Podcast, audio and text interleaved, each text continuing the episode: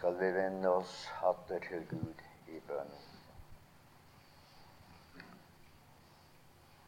Du våre dyrebare Frelser, vi priser deg denne morgenstund, denne formiddagsstund, for at du er den seirende. Du oppstod, graven brast, du lever.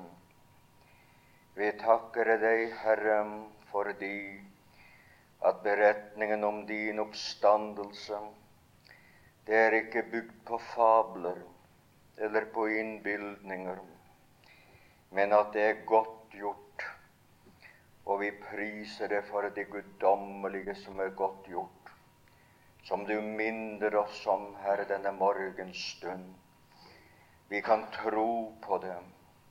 Vi kan leve på det. Vi kan regne med det for tiden og evigheten.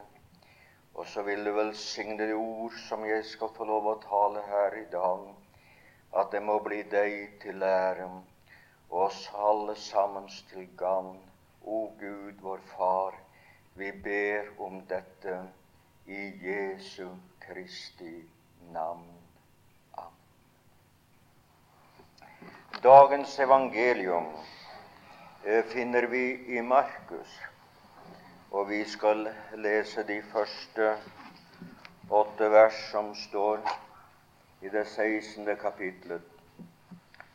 Markus evangelium kapittel 16 fra vers 1, og vi leser det til vers 8. Og da sabbaten var til ende, kjøpte Maria Magdalene og Maria, Jakobs mor, og Salome velluktende ute for å gå og salve ham. Og meget tydelig på den første dag i uken kom det til graven da solen gikk opp. Og de sa til hverandre hvem skal velte bort stenen fra døren til graven for oss? Og vi hører et Og da det så opp, ble det var at stenen var veltet bort, for den var meget stor.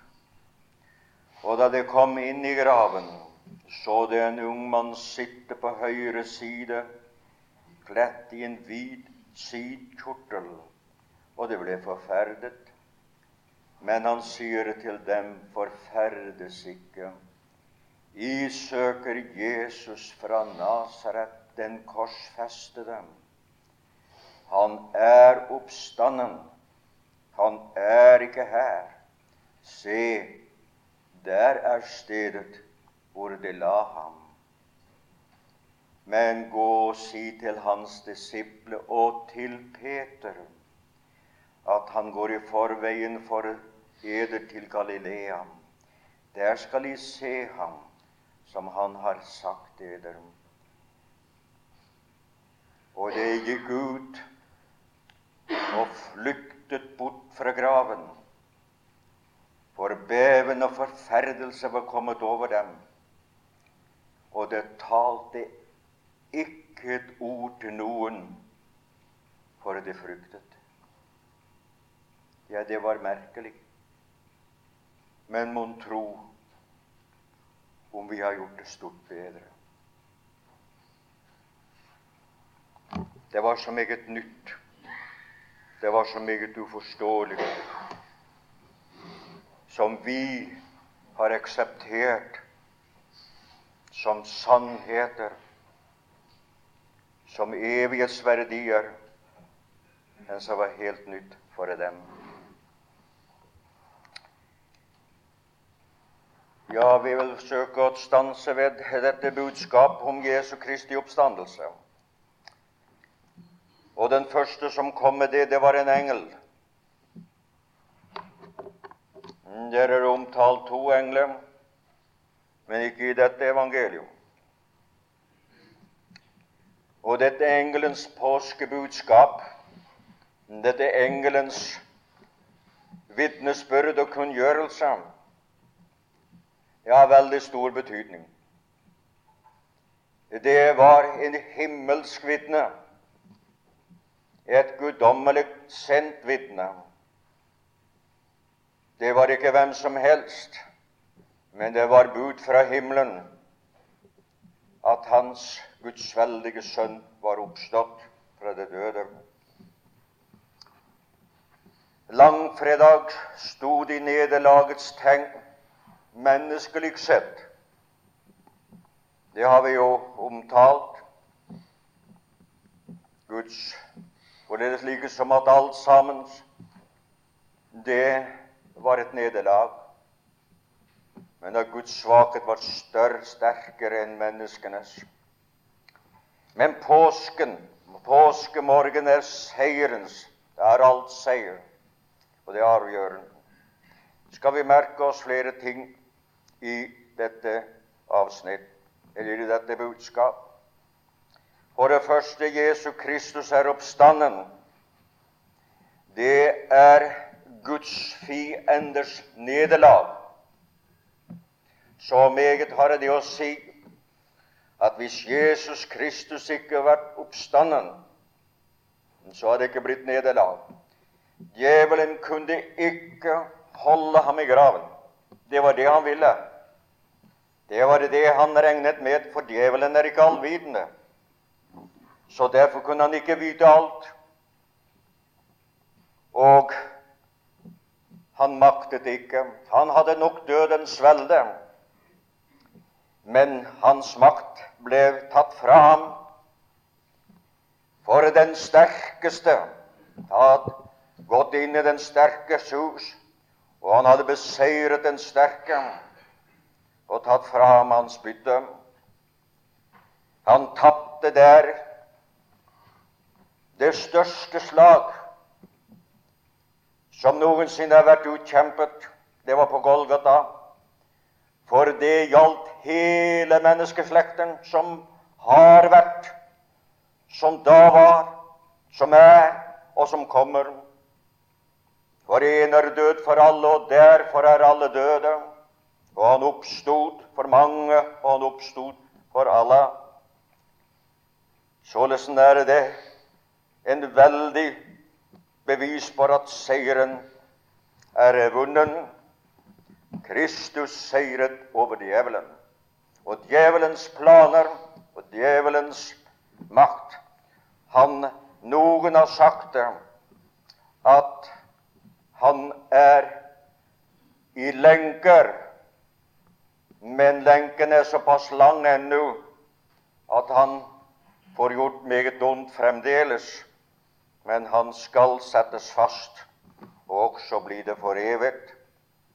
Øvrigheten, dette at Kristus oppstod fra det døde, øvrighetens segl kunne ikke sperre ham inne. Og det var da den høyeste autoritet.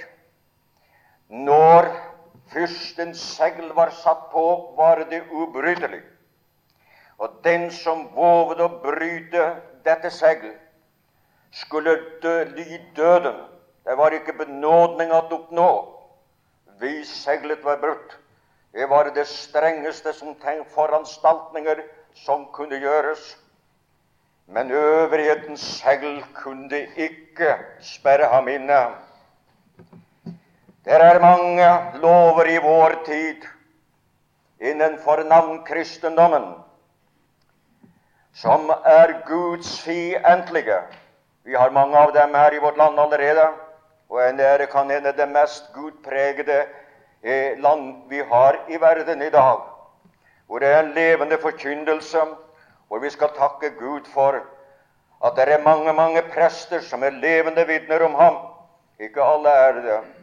Men når vi kommer til utlandene, blir vi forskrekket over den vantro og den innbitte motvilje mot evangeliets sannheter om Jesu Kristi oppstandelse. Og mange av dem som i dag taler om Kristi oppstandelse, talere og legger ikke i det vi mener om oppstandelse. Det var hans sannheter som oppstod, hans budskap og hans og så fort videre. De kleder det inn, og så lyder det til det, men det er ikke deres mening. Nei, Ingen øvrighet skal kunne makte å holde ham nede. Han oppstod tross loverne som var imot ham. Løgnpropagandaet kunne heller ikke holde ham i graven. Og løgnpropaganda, det var godt gjennomtenkt og allikevel svært Hva skulle vi nesten si selvmotsigende og, og dumt. De sa jo at han var oppstand, han, at disiplene hadde stjålet ham mens de sov. Det visste jo alle og enhver at en soldat en som var på vakt, måtte ikke sove. Og det ville betyde døden for ham, bare det. Langt mindre vis at eh, de hadde brutt seg.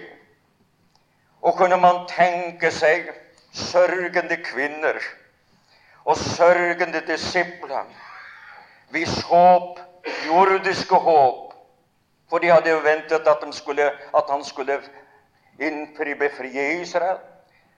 At de skulle være lik røvere. Akk nei, det var utenkelig at de skulle være lik røvere.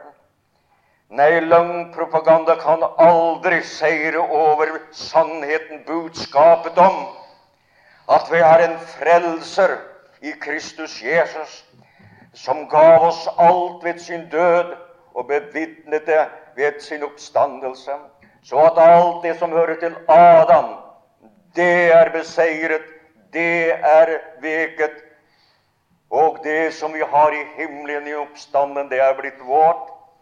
Så det er velsignet at vite at løgnpropagandaen kan aldri bli i stand til å seire over sannheten om Jesu evangelium.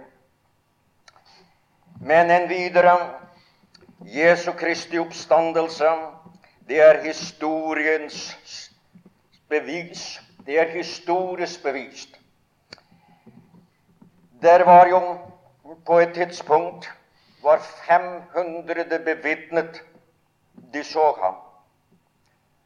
Der for mange år tilbake ble det holdt en rettssak nede i Paris, hvor noen av verdens dyktigste jurister var til stede, og de ville prøve beskyldningene som var rettet imot Jesus, og behandlingen som at han fikk, for å konstatere om at det virkelig var slik at man kunne stole på Jesu Kristi oppstandelse. Disse jurister og de konklusjoner og den slutning og den domsoppsigelse som var som der ble gitt, det var dette. Det var et justismord. Alle beviser var blitt benektet. Dersom noen rettssak skulle prøves, en, en beskyldning skulle prøves, og det var 500 enslydende vitner på hvilken måte som vitnet om det som fiendene ville benekte. Så var det en umulighet at det ikke kunne bli erklært at vitnernes uttalelse det var sant, de var enslydende, og det var så mange ting som godtgjorde at det var sant. De hørte ham, de så ham, de var vitne til dem, ved siden av de andre som hadde åtte andre som hadde beskuet ham. Altså åtte ganger han hadde blitt beskuet før. Dette var det niende gang da de eh, i 500 fikk se ham. Disiplene ofret sin tid. De ofret sitt liv. De gikk villig i døden som martyrer under det frykteligste pinsler.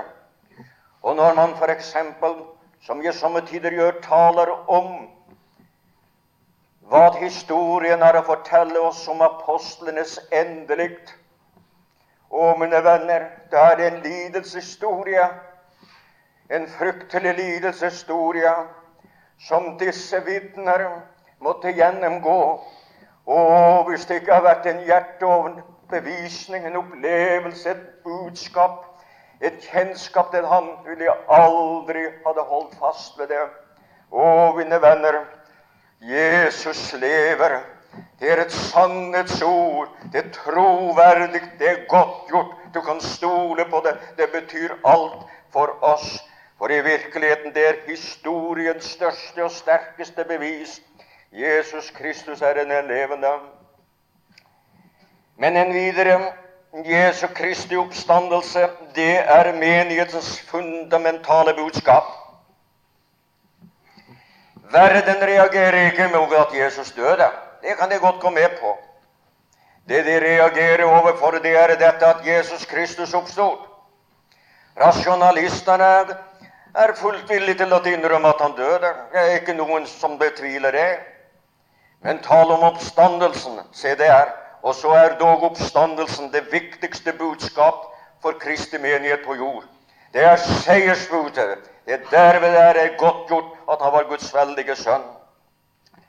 Uten Jesu Kristi oppstandelse fra det døde så ville alt ha vært annerledes. Djevelens makt var brutt. Og det har de troende opplevd. Fordi Jesus Kristus oppstod, så var djevelens makt brutt. Han har ikke den makt over dem som han har over verden. Han kan friste dem, han kan prøve dem, han kan forsøke å gjøre det makt for dem. Men han kan ikke ta livet fra dem. Han kan ikke ta nåden fra dem. Han kan ikke ta velsignelsene fra dem. Ja, kan hende for en liten stund, men det er også bare mørke tider som kan komme. Hvis de troende begynner å se inn i sitt hjerte istedenfor å se opp til ham som lever og går i forbønn, og lever for å gå i forbønn for dem. Gjenfødelsen ble virkeliggjort i at Jesus Kristus oppstod fra det døde. Det er så meget vi har felles med den gamle pakt. Jeg skrev en gang i evangelisten om vårt, vår særeie og vårt felleseie åndelig. Vi har et felleseie med den gamle pakts troende. De var omvendte, det er vi. De var troende, det er vi som tror på Kristus. De var rettferdiggjorte ved troen, det er vi. Og rettferdiggjørelsen, det er ikke en opplevelse, det er en deklarasjon. Det er at Gud har erklært den ugudelig rettferdige som tror på Kristus, han blir tilskrevet en andens verdighet og en andens gjerning. Og det er det samme som å være frelst av nåde, utelukkende av egen fortjeneste, men på grunn av en annens verdighet. Og det er en eneste farbare vei til himmelen, og der er det at den gamle paks hellige og den nye paks hellige de er like, og for den saks skyld, fra Adam eller fra Abel og til den siste i paradis, den, en, den siste i de tusenårsriket. Alle sammen er frelst av nåde, aldri av fortjeneste. Gjenfødelsen, vi er gjenfødt til et levende håp ved Jesu Kristi oppstandelse fra det døde. Her er det mange som går vill. De troende før pinsedag de var rettferdiggjort. De var troende, de var disipler, de hørte Herren til. Men de var ikke gjenfødt. Gjenfødelsen er en, er en opplevelse på Nytestamentet grunn som ikke kunne. De hadde syndernes forlatelse, men ikke syndernes renselse. For ingen kunne ha syndernes renselse. Og i den gamle pakt hadde symbolsyndernes eh, renselse. Men i Hebreabrevet i tiende kapittel står det at blod av bukker og, øh, og offerdyr for å si det med andre ord, kunne ikke ta bort synder. De fikk bare en minnelse om synden, og det ble gjentatt og gjentatt. Jesus Kristus ved sin oppstandelse, da er det at Jesu Kristi, Guds sønns blod, renser fra all synd. Gjenfødelsen er en opplevelse fra pinsedag på en særlig måte knyttet til menighetens husholdning. For så mange som tok imot ham, dem gav han rett til å bli Guds barn, de som tror på hans navn.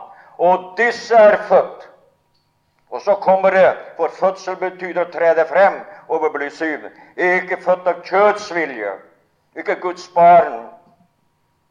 Ved at det er kjød. Ikke født av mannsvilje. Og hva er mannsvilje? Jo, det kan noen mange mennesker kan ha en bestemme at det skal skje nå og da, og så videre. Ikke mannsvilje kommet frem som Guds ånd, men de er født av Gud. Og født av Gud trer frem med et nytt liv, med et ny opplevelse, med et ny samfunn. Det er Nye. Uten Jesus Kristus det er et av de sentrale budskap dette at vi er gjenfødt i kraft av Jesu Kristi oppstandelse fra det døde. Det evige liv var seiret og sikret. Jeg er oppstandelsen og livet. Den som har Sønnen, er livet. Fordi at Jesus Kristus oppstod fra det døde, så er det godt gjort, dette, at vi, den som tror på ham, har et evig liv. Og et evig liv, det dør ikke. Det er evigvarende. Og den som har Sønnen, har livet. Ja, han er vårt liv, gudskjelov. Oppstandelseskraften, den kan erfares. Det vitner Paulus om. Både samfunnet med hans lidelse og samfunnet med hans død, men også samfunnet å oppleve oppstandelseskraften. Oppstandelseskraften, det er jo dette at vi er gått fra død til livet. Vi er blitt nye skapninger i Kristus Jesus. Her tales ikke om vårt jordiske, men i vår stilling i nåden i Kristus. Nye skapninger i Ham.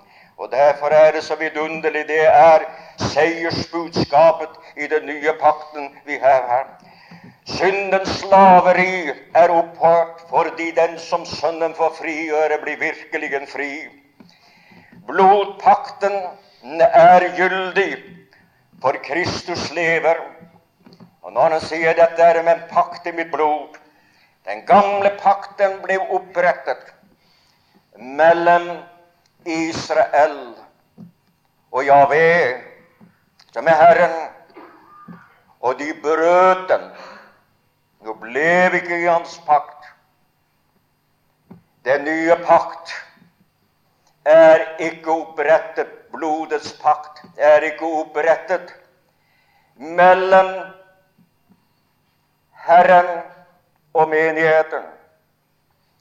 For det samme stoff i oss som var i den. Det er den nye pakt. Den er opprettet mellom Faderen og Sønnen. Det er pakten, og derfor er den ubrytelig. At det som er sonet, gjelder innenfor Gud. At det som er betalt, det gjelder innenfor Gud for deg og meg at det som er vunnet, det er sikret. Og således er den, den skal ikke brytes. Du kan regne med den er bestående. Åndens meddelelse er mulig. Ja, han bor ved troen i deres hjerte, i den gamle pakt. Og disiplene før pinsedag, de hadde Ånden med seg. Og Jesus sa det. Han talte om det levende vann. Det sa han om den ånd de skulle få, som trodde på ham. Den ånd fikk de, og det har alle dem som er gjenfødt. Uten Helligånden hører vi ikke Jesus Kristus til. Alt dette det er seiersbudskap som er menighetens budskap, som resultat av Jesu Kristi oppstandelse. Og uten dem var det ikke et nytt budskap. Himmelhjemmet er blitt sikret. Det går bort for å berede deres sted. Så viktig er det at Jesus Kristus oppstod fra det døde.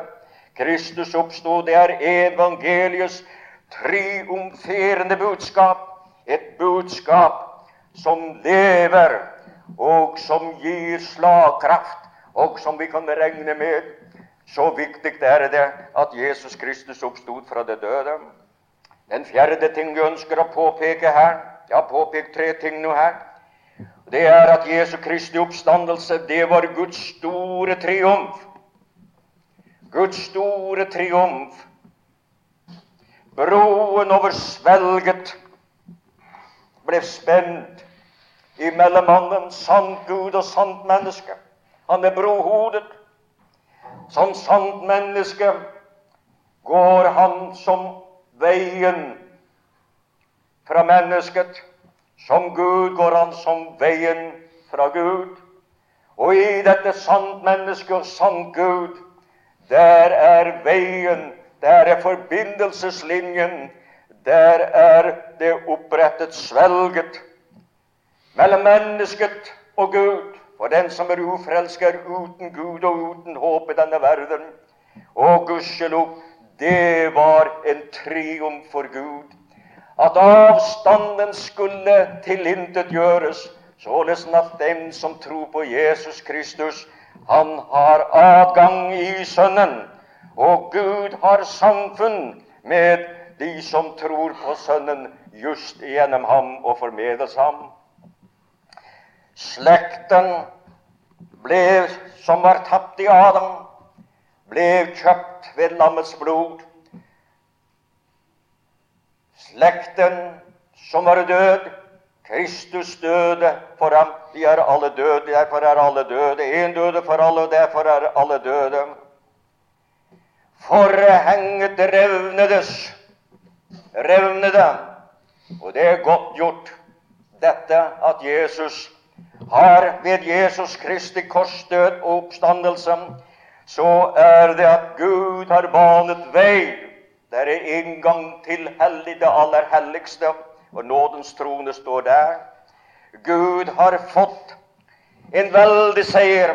Han har fått et herliggjort menneske i himmelen. Ja, tenk seg til det. Det er et menneske i himmelen, med et legeme i himmelen. Det kan jo bli spørsmål om disse som oppstod samtidig med Jesus, eller gikk ut av sine grader etter hans oppstandelse, men det skal ikke vi komme her inn på. Hvilken seier! Gud tapte mennesket ved synden her på jorden. Men ved Jesu Kristi oppstandelse, ved hans himmelfart der er han nå hjemme som et herliggjort menneske i et herliggjort legeme. Sant Gud, men sant menneske. Ulik Faderen og dog lik Faderen. Faderen og Ånden må ha en viss likhet, men Sønnen er blitt oss lik med et legeme. Og tenk så, så skal himmelen bli befolket av mennesker som ved kraft av hans død og en oppstandelse Stillingsmessig sitter vi i dag i himmelen til Kristus, men når Han kommer og henter, så skal vi til Faderhuset. Så skal vi være hjemme hos Herren inntil at vi skal følge med ham hit ned til jorden når Han oppretter riket. Him, det en veldig triumf og en veldig seier. Det siste jeg vil nevne her, det er at Jesu Kristi oppstandelse det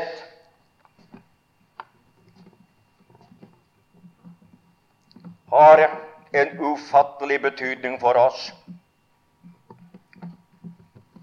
Og en ufattelig rekkevidde. For det første skal jeg nevne da Hvis ikke da han hadde oppstått fra det døde, da ville djevelen har vunnet en evig seier, hvis han ikke hadde. Og Gud et evig nederlag. Så meget betyr det at Kristus oppstod fra det døde. Og hva betyr ikke det for oss? Dersom han ikke hadde oppstått, da ville alle mennesker ha gått fortapt. Ikke en eneste en av oss blitt frelst. For det nytter ikke at de har dødd i tro. De har dødd i tro uten å oppnå løftene. Og hvis Jesus ikke innfridde løftene, så ville alle mennesker ha gått fortapt. Da ville ingen ha oppstått fra de døde. Så meget betyr Jesu Kristi oppstandelse. Ikke en oppstandelse av de rettferdige, og ikke en oppstandelse av de ugudelige. Så meget betyr Jesu Kristi oppstandelse. Da ville det, det tusentalls løfter som er gitt i Bibelen, ha vært fullstendig verdiløs. Så meget hviler det i Jesu Kristi oppstandelse. Ved hans oppstandelse har disse løftene fått gyldighet. Det er Det er et faktum. De skal innfries. Hver eneste en av det profetiske løftet angående ham gikk bokstaver i oppfyllelse. Og i dag ser vi, eller så å si siden kan vi si i begynnelsen fra 1917 og så utover, ser vi, har vi sett en masse, ja, det er over 50, nærmere 75 profetier angående Israel som er mer eller mindre bokstavelig oppfylt. Således er det. I kraft av hans oppstandelse så er løfterne gyldig. gyldige. Dersom Jesus Kristus ikke har oppstått fra det døde, da ville de mange hundretalls profetier angående Israel ikke hatt noe verdi. Og da ville Israel ha kommet til å gå til grunne. Så meget har det å si ved Jesu Kristi oppstandelse. Eh, da ville det ikke ha eksistert noen menigheter. Ingen kirkespir ville prydet vårt land. Ingen bedehuset ville bli bygd. Ingen forsamlinger ville ha møttes hvis Jesus Kristus ikke oppstått fra de døde. Tenk hva det betyr. Ja. Tenk hva det betyr. Vi ville ikke ha vært samlet her i dag. Ville vært ufrelste, dødsdømte, fortapte mennesker hvis ikke Jesus Kristus hadde oppstått fra det døde. Nå samles de over hele verden, både navnkristne og troende. Men hva betyr ikke dette for en kristen i dag? Min Jesus lever. Min Jesus, vår Jesus, han er en levende Oppstanden frelser, du kan regne med ham. Så meget har det å si. Hvis Jesus Kristus ikke har oppstått fra det døde, da ville det aldri ha kommet til å bli noe tusenårsrike. For da hadde jo han ikke seiret, ikke blitt noe tusenårsrike, ikke noen fremtidshåp for menneskeslekten. Hvis Jesus Kristus ikke var oppstanden fra det døde, da ville det ikke ha blitt millioner og utallige skarer i herliggjorte legemer som er omtalt i åpenbaringsboken, som sang Gud og lammets pris og sang om blod, at han har kjøpt oss med sitt blod, og det tvettet våre kjørtler i lammets blod. Ikke en eneste en ville ha vært der. Ikke en eneste en av dem kunne synge. Så meget betyr det, mine venner, at Jesus Kristus er oppstanden. Det er veldig sannhet at Jesus Kristus lever i dag. Så meget betyr det at han lever, vår Herre og Frelser. Og dermed er det godtgjort han er Guds veldige sønn, hvis virkning var oppad til Guds ære, hvis virkningen var nedad ja, ved hans oppstandelse, i kraft av hans oppstandelse, har jo også dødsrikets paradisavdeling blitt forflyttet, slik at dem som nå er hjemme, dem som dør i troen på Jesus Kristus, er hjemme hos Herren. Ja, vi kan nesten si alt ble nytt i kraft av Jesu Kristi oppstandelse. Det gamle er forganget for dem som tror, just fordi Kristus oppstod fra det døde det er i virkeligheten et enten-eller. For kristenheten en levende Kristus eller bare en død Kristus. Vi skal ikke søke ham i graven, men vi har korsets budskap. Vi skal ikke være blant den døde. Vi har den levende Frelser, og vi priser ham for det. Korset, nåden, er Guds kraft til frelse for hver dem som tror, og det er just i kraft av hans oppstandelse. Skjalt hans oppstandelse ut, og det hele faller sammen som nytteløs, ubrukelig og ikke av noen verken nåværende eller fremtidig eller evighetsverdi. Således, mine venner, at Jesus lever i dag, det er det eneste eh, som bevirker dette at vi kan med frimodighet forkynne evangeliet at vi kan frimyndighet fortelle menneskene vi er frelst. At vi kan få lov å si at vi har et evighetshåp. Vi har vår fremtid. Den hører Kristus til. La den engstes for det som skal komme, Guds barn. De venter. De venter forløsningen i Kristus Jesus. De venter å møte ham snart. Ja, takk og lov, vår Herre og vår Frelser. Han lever, og han lever for å gå i forbønn for deg og meg. Han er vår ypperste prest. Slik som han er, skal regner Gud med oss. Og er ikke det stort? Han er ren og rettferdig, og himmelen verdig. Og så er vi, just fordi vi er i Han. Og godt er dette. Han lever, og vi lever. Han vant, og vi vant med ham. Slaget ble bunnen. Byttet ble hans. Seieren ble hans. Og han oppfor triumferende. Et budskap om kraften og seieren ved Jesu Kristi oppstandelse fra det døde. Godt gjort på de fire forskjellige måter hvor vår bror innledet dette møtet. Og vi priser deg, o Gud, fordi at vi har en stedfortreder i din elskelige Sønn, som ble alt det vi ikke kunne være, som tok alt som ikke vi kunne bære, som led alt som vi skal slippe fri for, som ble dømt for alt som vi er frifunnen for, og som lever og proklamerer og forteller og forkynner og vitner at seieren var hans, og vi er inkludert i dette. Takk for alt det vi har i Kristus og får fra Kristus og venter fra Kristus. Vi tilbeder deg, o Jesus, på denne påske formiddagsstund for at du er vår frelser, og at vi er livet i deg. Takk for frelsen full og fri av bare nåde, for middels korsets blod og din oppstandelseskraft. Vi priser deg og tilbeder deg. Amen.